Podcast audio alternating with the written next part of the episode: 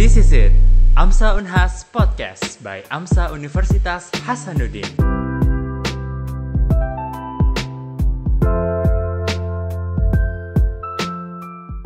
People of tomorrow, welcome back to AMSA Unhas Podcast. Halo semuanya, semoga teman-teman yang dengar podcast ini dalam keadaan yang sehat. Uh, mungkin di sini aku pengen curhat dikit nih, kalau beberapa hari lalu just got vaccinated COVID-19 vaksin yang Sinovac dan sebenarnya nggak ada sih efek yang gimana-gimana banget di tubuh aku, cuman mungkin uh, efek yang aku dapet tuh agak pegal-pegal dikit di daerah bekas suntikan. Tapi overall itu aman-aman aja karena sekarang juga udah nggak kerasa juga dan kemarin-kemarin juga nggak mengganggu aktivitas. Jadi buat teman-teman semua yang mungkin ke depannya dapat kesempatan buat divaksin, just go for it. Uh, jangan takut karena ini udah terbukti aman dan kalau semakin banyak nih teman-teman yang divaksin, automatically juga herd immunity di tengah masyarakat itu lebih terbentuk dengan cepat sehingga pandemi ini juga cepat berakhir. Jadinya kita bisa ketemu dengan keluarga, bisa ketemu dengan teman-teman, bisa kembali ke aktivitas normal dan tentunya bisa kembali ke sekolah. Nah, ngomongin tentang sekolah nih teman-teman.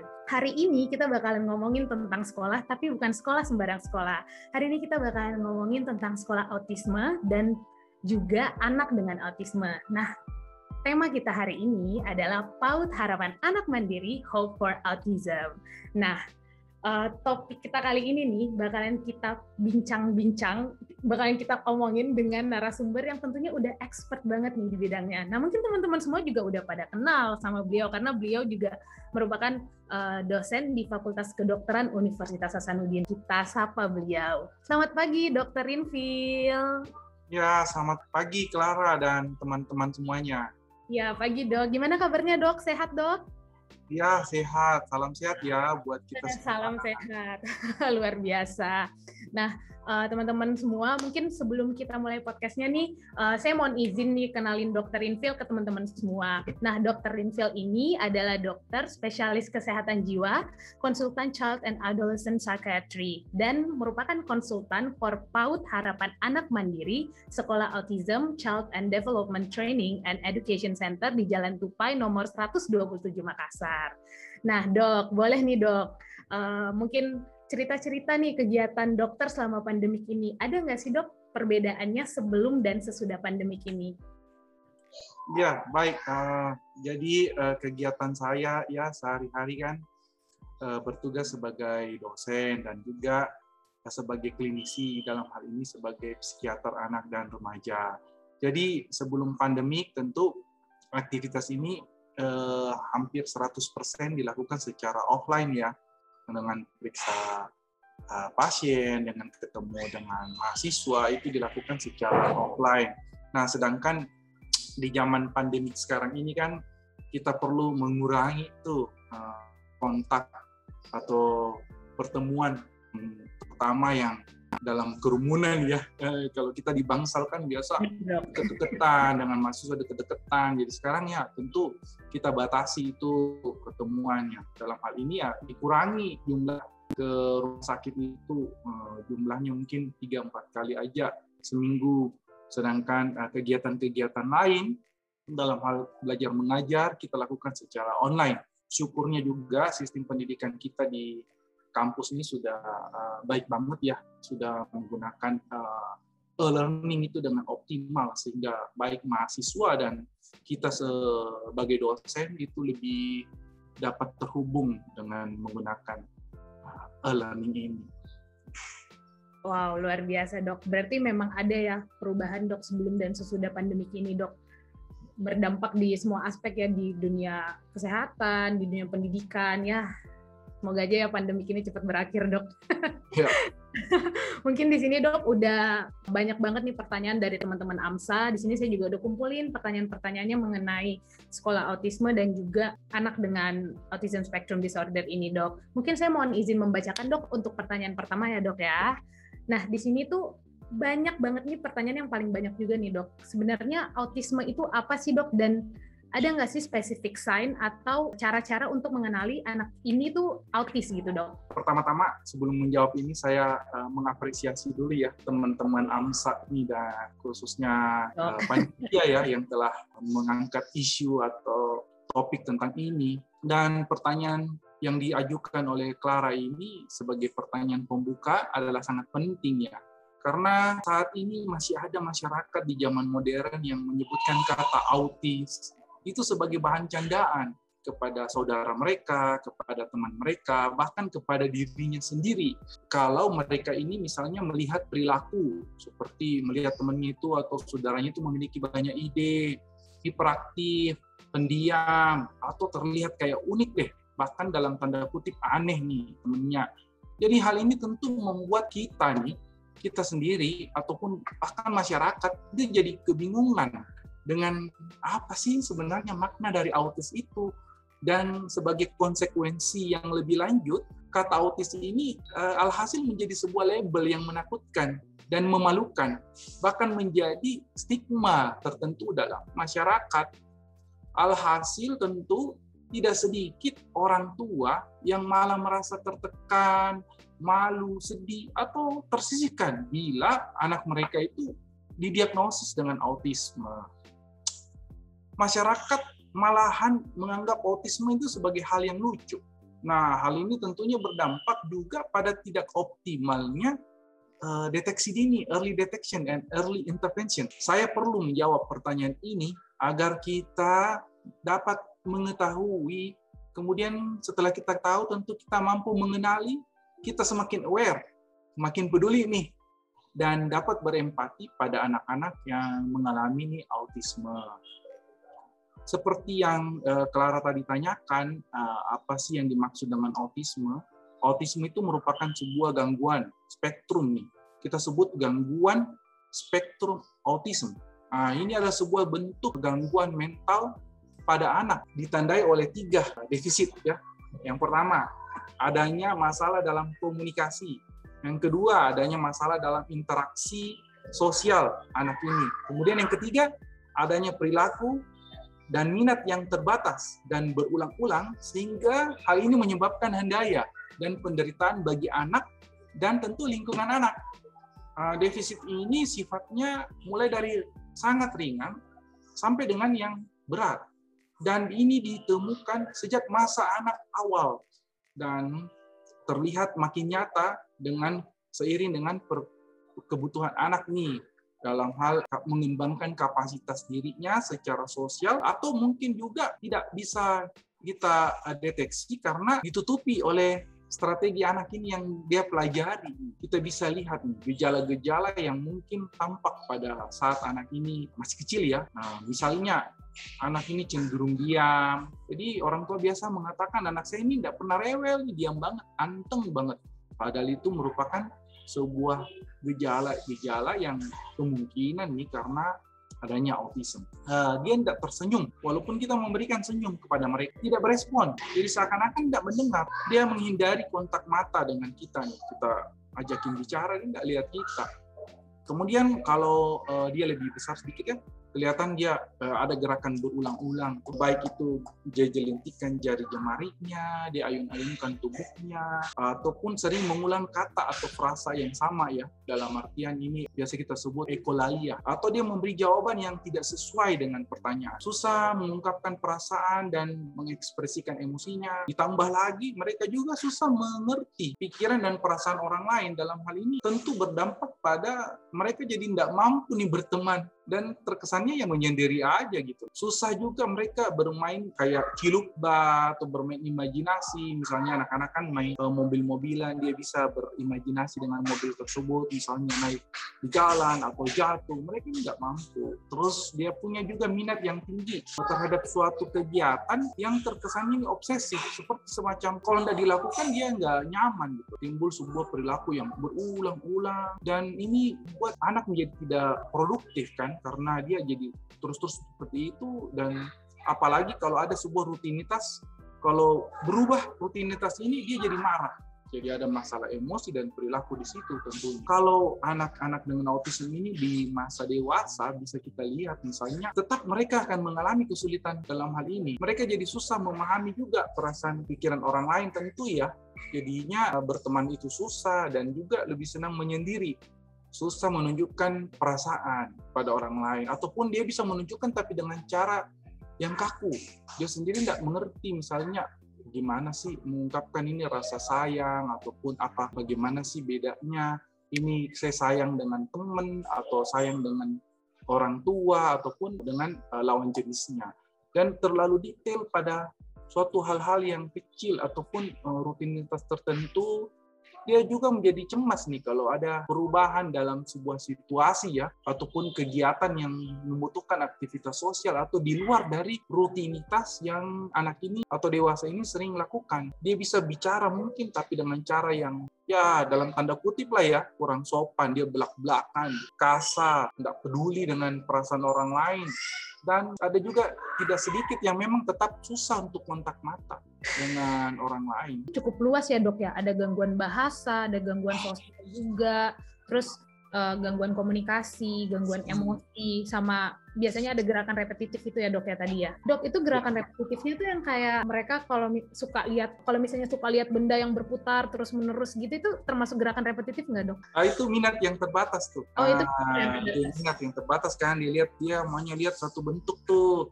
Misalnya ah. kipas angin yang berputar-putar. Ah. Kalau misalnya dia mainkan mobil dia hanya putar-putar bannya. Ah itu minatnya terbatas tuh. Kalau gerakan-gerakan repetitif dia seperti gerakan-gerakan yang ya, aneh. tangga, yang aneh ya lompat-lompat seperti itu atau tangannya digerak-gerakan gini steaming biasanya. Itu tuh seperti gangguan pergerakan lah. Nah dok, sebenarnya ada nggak sih parameter tertentu atau tes diagnosis untuk menentukan anak ini tuh autism gitu dok? Sampai saat ini belum ada biomarker yang dapat kita gunakan nih, khususnya dalam hal ini saya nih sebagai klinisi dalam menegakkan sebuah diagnosis gangguan spektrum autisme sendiri. Diagnosis yang dapat saya tegakkan, misalnya saya mau menegakkan autisme spektrum disorder ini, itu merupakan hasil dari observasi klinis saya dan tentu digabungkan dengan laporan dari misalnya orang tua, caregiver ataupun guru yang di mana menunjukkan adanya defisit dalam komunikasi sosial. Yang tadi itu cirinya ya pola perilaku minat dan aktivitas yang terbatas berulang. Dan kebanyakan diagnosis autisme ini sudah dapat saya tegakkan kalau anak ini sudah dua tahun. Jadi kalau sudah dua tahun dan defisit tiga defisit ini memang nyata adanya, itu saya sudah bisa tegakkan sebuah uh, gangguan spektrum autisme. Ada juga sih beberapa instrumen yang saya gunakan sebagai panduan untuk membantu saya sebagai psikiater anak saat saya melakukan observasi pada anak itu dengan menggunakan screening tool. Misalnya saya kadang menggunakan CARS ya, Childhood Autism Rating Scale dan juga checklist for autism in toddler. Jadi itu saya gunakan untuk membantu saya saat melakukan observasi dan ditambah juga dengan uh, informasi dari orang tua uh, atau dan guru itu. Berarti untuk mendiagnosis anak ini autism memang ada beberapa screening yang dipakai, cuman lewat anamnesis aja dan informasi dari keluarga juga udah bisa ya dok ya untuk menegakkan autisme ini dok ya. Iya. Kan kita kita tahu nih mungkin awareness di tengah-tengah masyarakat ini terhadap autism spectrum disorder ini belum terlalu tinggi ya dok ya. Gimana kalau misalnya nih dok ada anak yang uh, terlambat didiagnosis autism spectrum disorder ini ada nggak sih dok tata laksana khusus buat mereka dan apakah ada dampak dengan uh, keterlambatan diagnosis ini dok? Tata laksana pada anak dengan autisme pada prinsipnya sama, di mana tata laksana ini bertujuan untuk meningkatkan yang defisit tadi, kemampuan dalam komunikasi, interaksi sosial, dan juga mengurangi perilaku yang terbatas itu atau perilaku yang berulang-ulang itu. Tata laksana yang terutama di sini yang perlu kita tekankan adalah kita sebaiknya memberikan tata laksana ini pada masa emas, yaitu di mana anak itu belum berusia lima tahun. Karena kita tahu anak-anak dengan usia di bawah lima tahun ini masih memiliki kemampuan neuroplastisitas otak baik. Nah tentu harapannya kalau kita melakukan sebuah intervensi di masa ini, anak ini akan lebih mampu melakukan kegiatan sehari-hari, dapat mengikuti pendidikan, bekerja, memiliki penghasilan, punya teman dan mampu bersosialisasi nih dengan teman-temannya dengan baik serta tentu akan bisa berkeluarga kan. Uh, memang intervensi untuk pemberian stimulasi ini bagusnya diberikan di golden age-nya anak-anak ini ya dok ya. Nah kemudian sebenarnya ada nggak sih dok dampak dari keterlambatan diagnosis ini? Kalau misalnya stimulasinya itu diberikan mungkin lewat dari golden age-nya mereka. Yang kita bisa lihat ya tentu dampaknya ya anak-anak ini kan membutuhkan sebuah intervensi yang dini ya Nah, kalau misalnya terlambat kita berikan tentu hasil yang diperoleh tidak akan seoptimal misalnya di saat anak ini umurnya golden age-nya itu. Mungkin orang tua di luar sana uh, atau mungkin orang-orang nih kita sebagai mahasiswa kedokteran mengedukasi mengedukasi masyarakat ada nggak sih faktor tertentu yang dapat dicegah untuk mencegah autisme ini dok? Pertanyaan ini tidak sedikit diajukan oleh orang tua mereka datang ke kami sebagai klinisi dengan bertanya, apa sih yang menyebabkan anak saya jadi autis nih dok? Apakah karena misalnya uh, saya kemarin itu makan makan tertentu misalnya ataukah ini kesalahan dari turunan atau segala macam ya. Nah, di sini yang perlu kita tekankan nih kepada mereka dengan datang kepada kita, tentu kita perlu memberikan pemahaman, memberikan mereka edukasi bahwa penyebab autisme itu tidak ada satu single factor, tapi melainkan adalah multifaktorial. Ada beberapa penelitian yang kita lihat ya, bisa mengidentifikasi bahwa autisme ini dipicu oleh karena faktor misalnya genetik ya, tapi itu tidak ditemukan secara konsisten bahwa keterkaitannya ini misalnya 100%. Cuman disebut di situ bahwa kalau anak dengan autisme misalnya kemungkinan keluarga eh, keluarga saudaranya yang mengalami autisme itu bisa 100 kali lebih rentan daripada anak yang tidak memiliki keluarga yang dengan autisme misalnya. Ada faktor lain yang menyebutkan bahwa memang ada perbedaan struktur dan neurobiologi otak namun tetap lagi kembali tidak penemuan ini tidak konsisten. Dan juga adanya pengaruh juga dari lingkungan misalnya yang tadi ya ada paparan logam atau toksin atau serta memang kondisi dari ibu itu saat melahirkan itu memang uh, mengalami gangguan. Jadi di sini uh, sifatnya memang multifaktorial. Itu kalau ngomong-ngomong yang tentang logam itu, maksudnya logamnya tuh paparan logam seperti apa dok? Dihirup gitu? Apa dari makanan gitu dok? Iya bisa dalam hal makanan ya, misalnya makanan-makanan yang banyak mengandung timbal gitu ya, biasa dianggap ini berperan. Berarti makanan-makanan laut gitu ya dok ya? Iya benar. Penyebab autisme ini teman-teman masih multifaktorial, masih banyak banget. Masih perlu penelitian lebih lanjut ya dok ya untuk mengetahui penyebab dari autisme ini sendiri.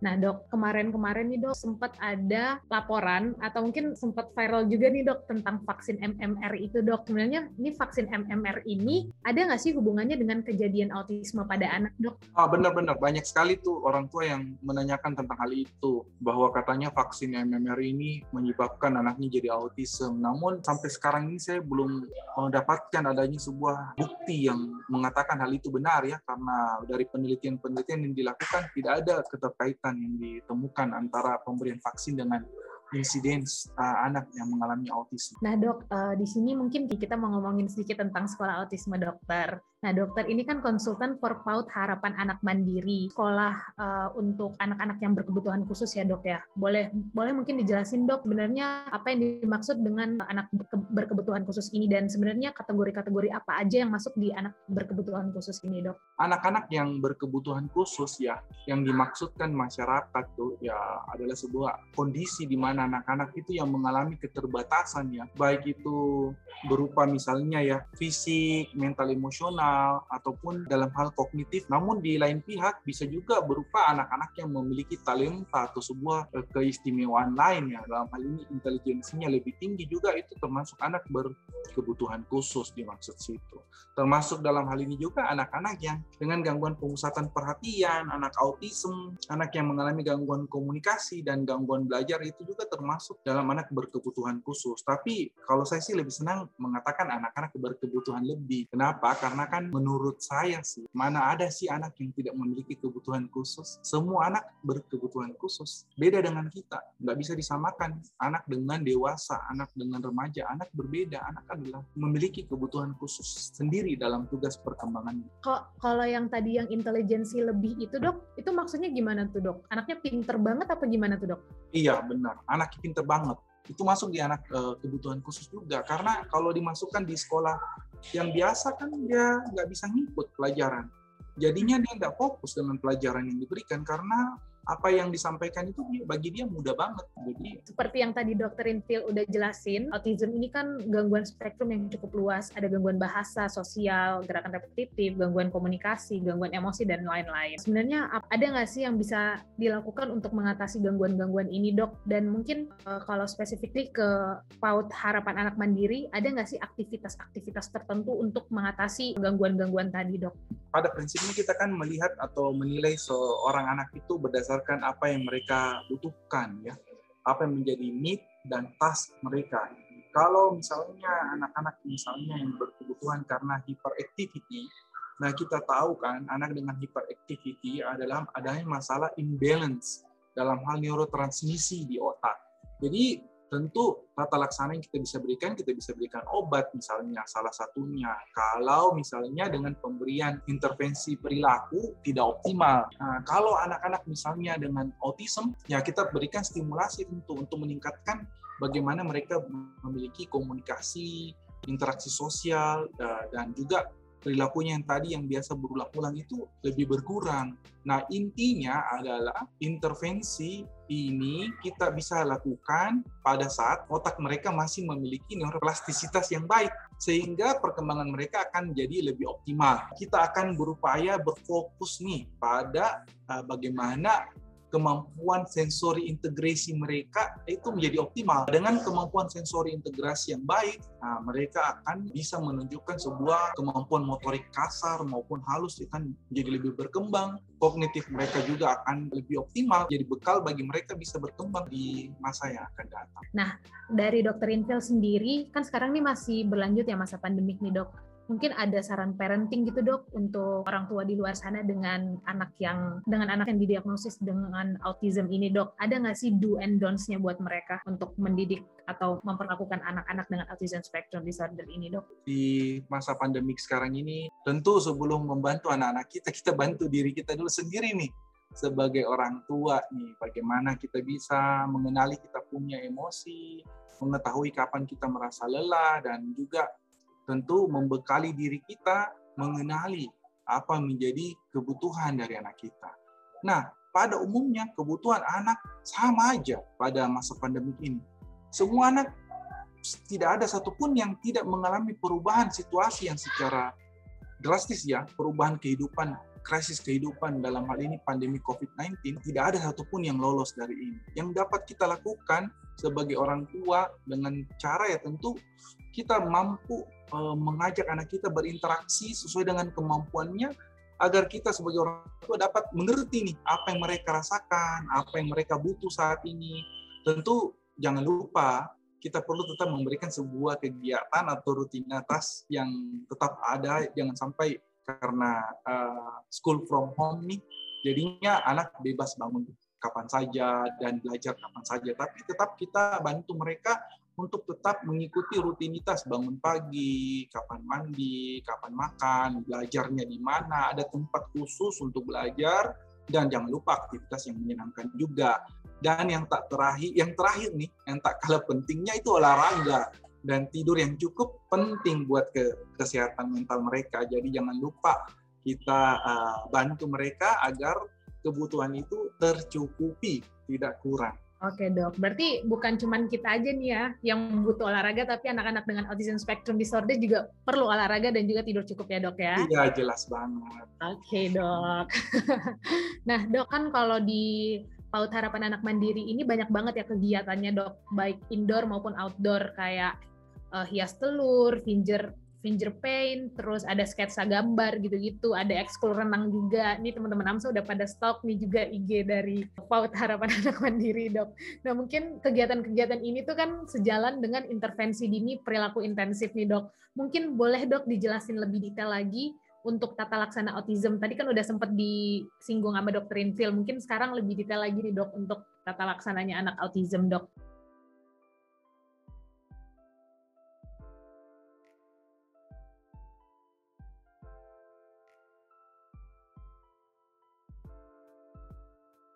Tadi ya kembali ke pada defisit yang mereka miliki ya anak-anak dengan autism kan memiliki defisit dalam hal uh, komunikasi, interaksi sosial dan perilaku dan minat yang terbatas ya. Jadi bagaimana caranya kita mau meningkatkan kemampuan mereka kalau kita tidak bisa melakukan sebuah engagement ya. Mereka harus uh, tertarik dengan kita dulu, menyatu dengan kita juga karena selama ini kan mereka uh, lebih cenderung diam menyendiri sendiri. Nah, sedangkan kalau kita uh, tidak mengerti apa minat dan kebutuhannya. Tentu tidak mungkin kita bisa melakukan engagement dengan hal apa. Dalam hal ini kami itu memusatkan nih pada tentu karena anak-anak ini kan di masa-masa umur PAUD ya tentu ini berada pada fase sensori motorik. Jadi aktivitas-aktivitas yang dilakukan seperti yang Clara sampaikan tadi berorientasi untuk meningkatkan itu sensoris mereka dan motorik mereka. Aktivitas ini bertujuan untuk meningkatkan skema kognitif yang mereka miliki tadi, yang tadinya hanya sensori motorik ini bisa menjadi praoperasional. Kemampuan kognitif mereka akan jadi lebih optimal selain kognitif tentu yang tadi yang kita harapkan tadi jalinan emosional interpersonal mereka akan berkembang dan ini menjadi skema juga dalam mereka melakukan hubungan interpersonal dengan teman mereka, nah, keluarga mereka dan tentu dalam masyarakat. Ada nih dok, teman-teman dari AMSA juga nanya, kalau mereka mungkin sempat baca di CDC dok, kalau mungkin uh, satu dekade terakhir ini kasus autism itu meningkat dok. Kita ketahui bersama dan dokter Infil juga tadi udah jelasin kalau etiologi atau penyebab dari autisme ini belum diketahui secara sepenuhnya, belum diketahui 100%. Nah mungkin ada nggak sih dok cara-cara untuk masyarakat atau mungkin kita sebagai mahasiswa kedokteran untuk meningkatkan awareness tentang autism spectrum disorder ini di tengah masyarakat, dok. Dan sebenarnya kita sebagai mahasiswa kedokteran bisa nggak sih dok untuk berkontribusi lebih untuk membantu teman-teman di PAUD Harapan Anak Mandiri ini, dok? Eh, mahasiswa kedokteran khususnya ya dan semua orang memiliki kontribusi tentu dapat berkontribusi dan memiliki peran penting. Kita kan diberikan kemampuan untuk berpikir menelaah sebuah problem solving. Jadi dengan kita bisa mengenali, memahami, mengidentifikasi gejala autisme ini, kita bisa memberikan tuh sosialisasi atau memberikan sebuah anjuran atau sebuah rekomendasi kepada orang tua dan masyarakat yang mereka mampu itu gunakan pengetahuan ini kepada diri mereka sendiri ataupun pada eh, lingkungannya ya agar mereka dapat mengenali itu anak dengan autisme sehingga mereka dapat uh, mendapatkan sebuah tata laksana yang komprehensif sejak dini tanpa misalnya uh, mengulur-ngulur waktu gitu. Ya. Sebenarnya nih dok, autisme ini, autism spectrum disorder ini bisa sembuh nggak sih dok? Oke, okay, jadi uh, tidak sedikit memang orang tua yang datang ke kami ini kepada saat konsultasi sudah datang dengan berbagai macam kekhawatiran ya apakah anak saya nanti bisa sekolah, janganlah sekolah dulu, apakah anak saya nanti bisa bicara, apakah anak saya bisa nanti eh, ber, berteman dengan orang lain, apakah anak saya mampu untuk bersekolah, bahkan sampai menikah tuh dia sudah pikirkan, bisa enggak dia menikah punya anak. Yang saya biasa sampaikan adalah autisme adalah sebuah keadaan, keadaan yang eh, ini eh, menetap ya pada diri anak dan autisme sendiri itu sendiri sebuah sering kali berkomorbid juga dengan gangguan yang lain ya. Misalnya dengan keadaan yang kita sebut disabilitas intelektual masalah emosi dan perilaku. Dan banyak lain-lainnya kesulitan belajar cemas lain-lain. Jadi yang perlu ditahu di sini dipahami adalah sebagai orang tua kita tahu nih keadaan ini akan terus ada namun sebagaimana mungkin, semaksimal mungkin kita mampu mengurangi e, masalah emosi dan perilaku yang terjadi pada anak kita yang mengalami autisme. Karena hal-hal inilah yang menjadi penghambat anak kita bisa berkembang. Bagaimana anak kita bisa e, belajar dengan baik kalau duduk saja tidak bisa?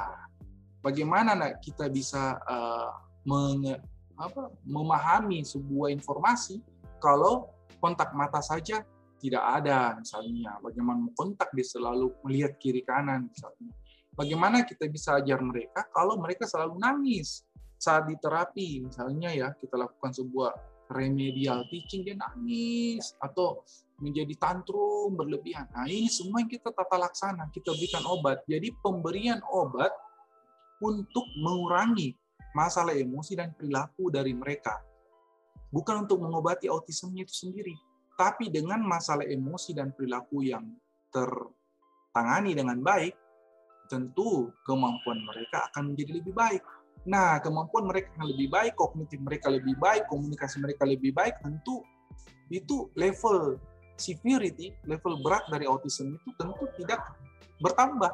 Ya, kalau dia ringan tentu lebih baik daripada level yang berat. Nah, kalau tidak disertai dengan masalah emosi dan perilaku juga akan lebih baik. Dan anak-anak kita akan berkembang menjadi individu dewasa yang dalam tanda kutip dapat hidup normal dengan keterbatasan itu. Pemberian stimulasi terus pengobatan gitu dok. Untuk mengontrol ya dok. Mengontrol eh, gangguan-gangguan tadi yang gangguan bahasa sosial dan lain-lain. Dan tentunya juga supaya tidak lebih dalam lagi ya untuk apa ya namanya untuk supaya nggak jatuh lebih dalam lagi untuk derajat autismenya gitu ya dok ya. Oke siap dokter. Nah mungkin untuk closing statement dari dokter Infil nih dok kan tadi kita udah sempat singgung tentang awareness yang mungkin masih kurang di tengah masyarakat Indonesia. Nah mungkin dari dokter Infil ada ada nggak sih harapan dokter untuk anak-anak dengan autisme di Indonesia dok? Wah, banyak harapannya, Clara. Jadi harapan saya tentu uh, kita nih semua nih nah nanti uh, mahasiswa-mahasiswa yang sudah uh, menjadi dokter atau mahasiswa lain lah yang dari bagian lain ilmu komunikasi, psikologi dan sebagainya dapat berkolaborasi dalam memberikan sebuah edukasi ya deteksi dini ataupun tata laksana anak dengan autisme. Tidak ada sebuah arogansi bahwa hanya bidang ini yang mampu menangani sebuah autisme. Eh, anak Indonesia khususnya anak dengan autisme ini dapat hidup lebih optimal. Mereka bisa lebih normal, tentu bisa bekerja, berhubungan sosial, produktif, membangun bangsa Indonesia kita lebih maju kita bisa uh, membantu mereka menjadi individu yang mandiri, sehat, dan berkontribusi bagi diri dan negara Indonesia. Waduh, luar biasa nih dokter kita yang satu ini. Terima kasih banyak dokter Infil atas waktunya dan informasinya yang sangat insightful. Semoga dokter selalu sukses dan semua harapan-harapannya ini dapat tercapai dan tentunya selalu diberi nikmat kesehatan dok. Terima kasih banyak dokter Infil. Terima kasih, Amin. Dan doa yang sama ya buat kita semua. Terima kasih dokter. Nah, buat teman-teman semua nih, jadi kita sebagai mahasiswa, sebagai masyarakat, sebagai dokter di masa depan harus tetap meningkatkan awareness kita terhadap autism spectrum disorder ini. Melalui apa? Melalui deteksi dini dan sedini mungkin kita konsultasi dengan tenaga medis yang berkompeten di bidangnya sehingga dapat diberikan penata laksanaan dini supaya autism ini dapat terkontrol dengan baik. Nah, terima kasih buat semuanya. Thank you so much buat semua yang udah dengerin podcast ini sampai akhir. Buat kalian semua yang suka dengar konten-konten mengenai masalah kesehatan dan juga informasi seputar dunia kedokteran, boleh banget di follow kita di Instagram Amsa Unhas dan Spotify kita juga Amsa Unhas Podcast podcast. Nah, see you in the next podcast. Bye.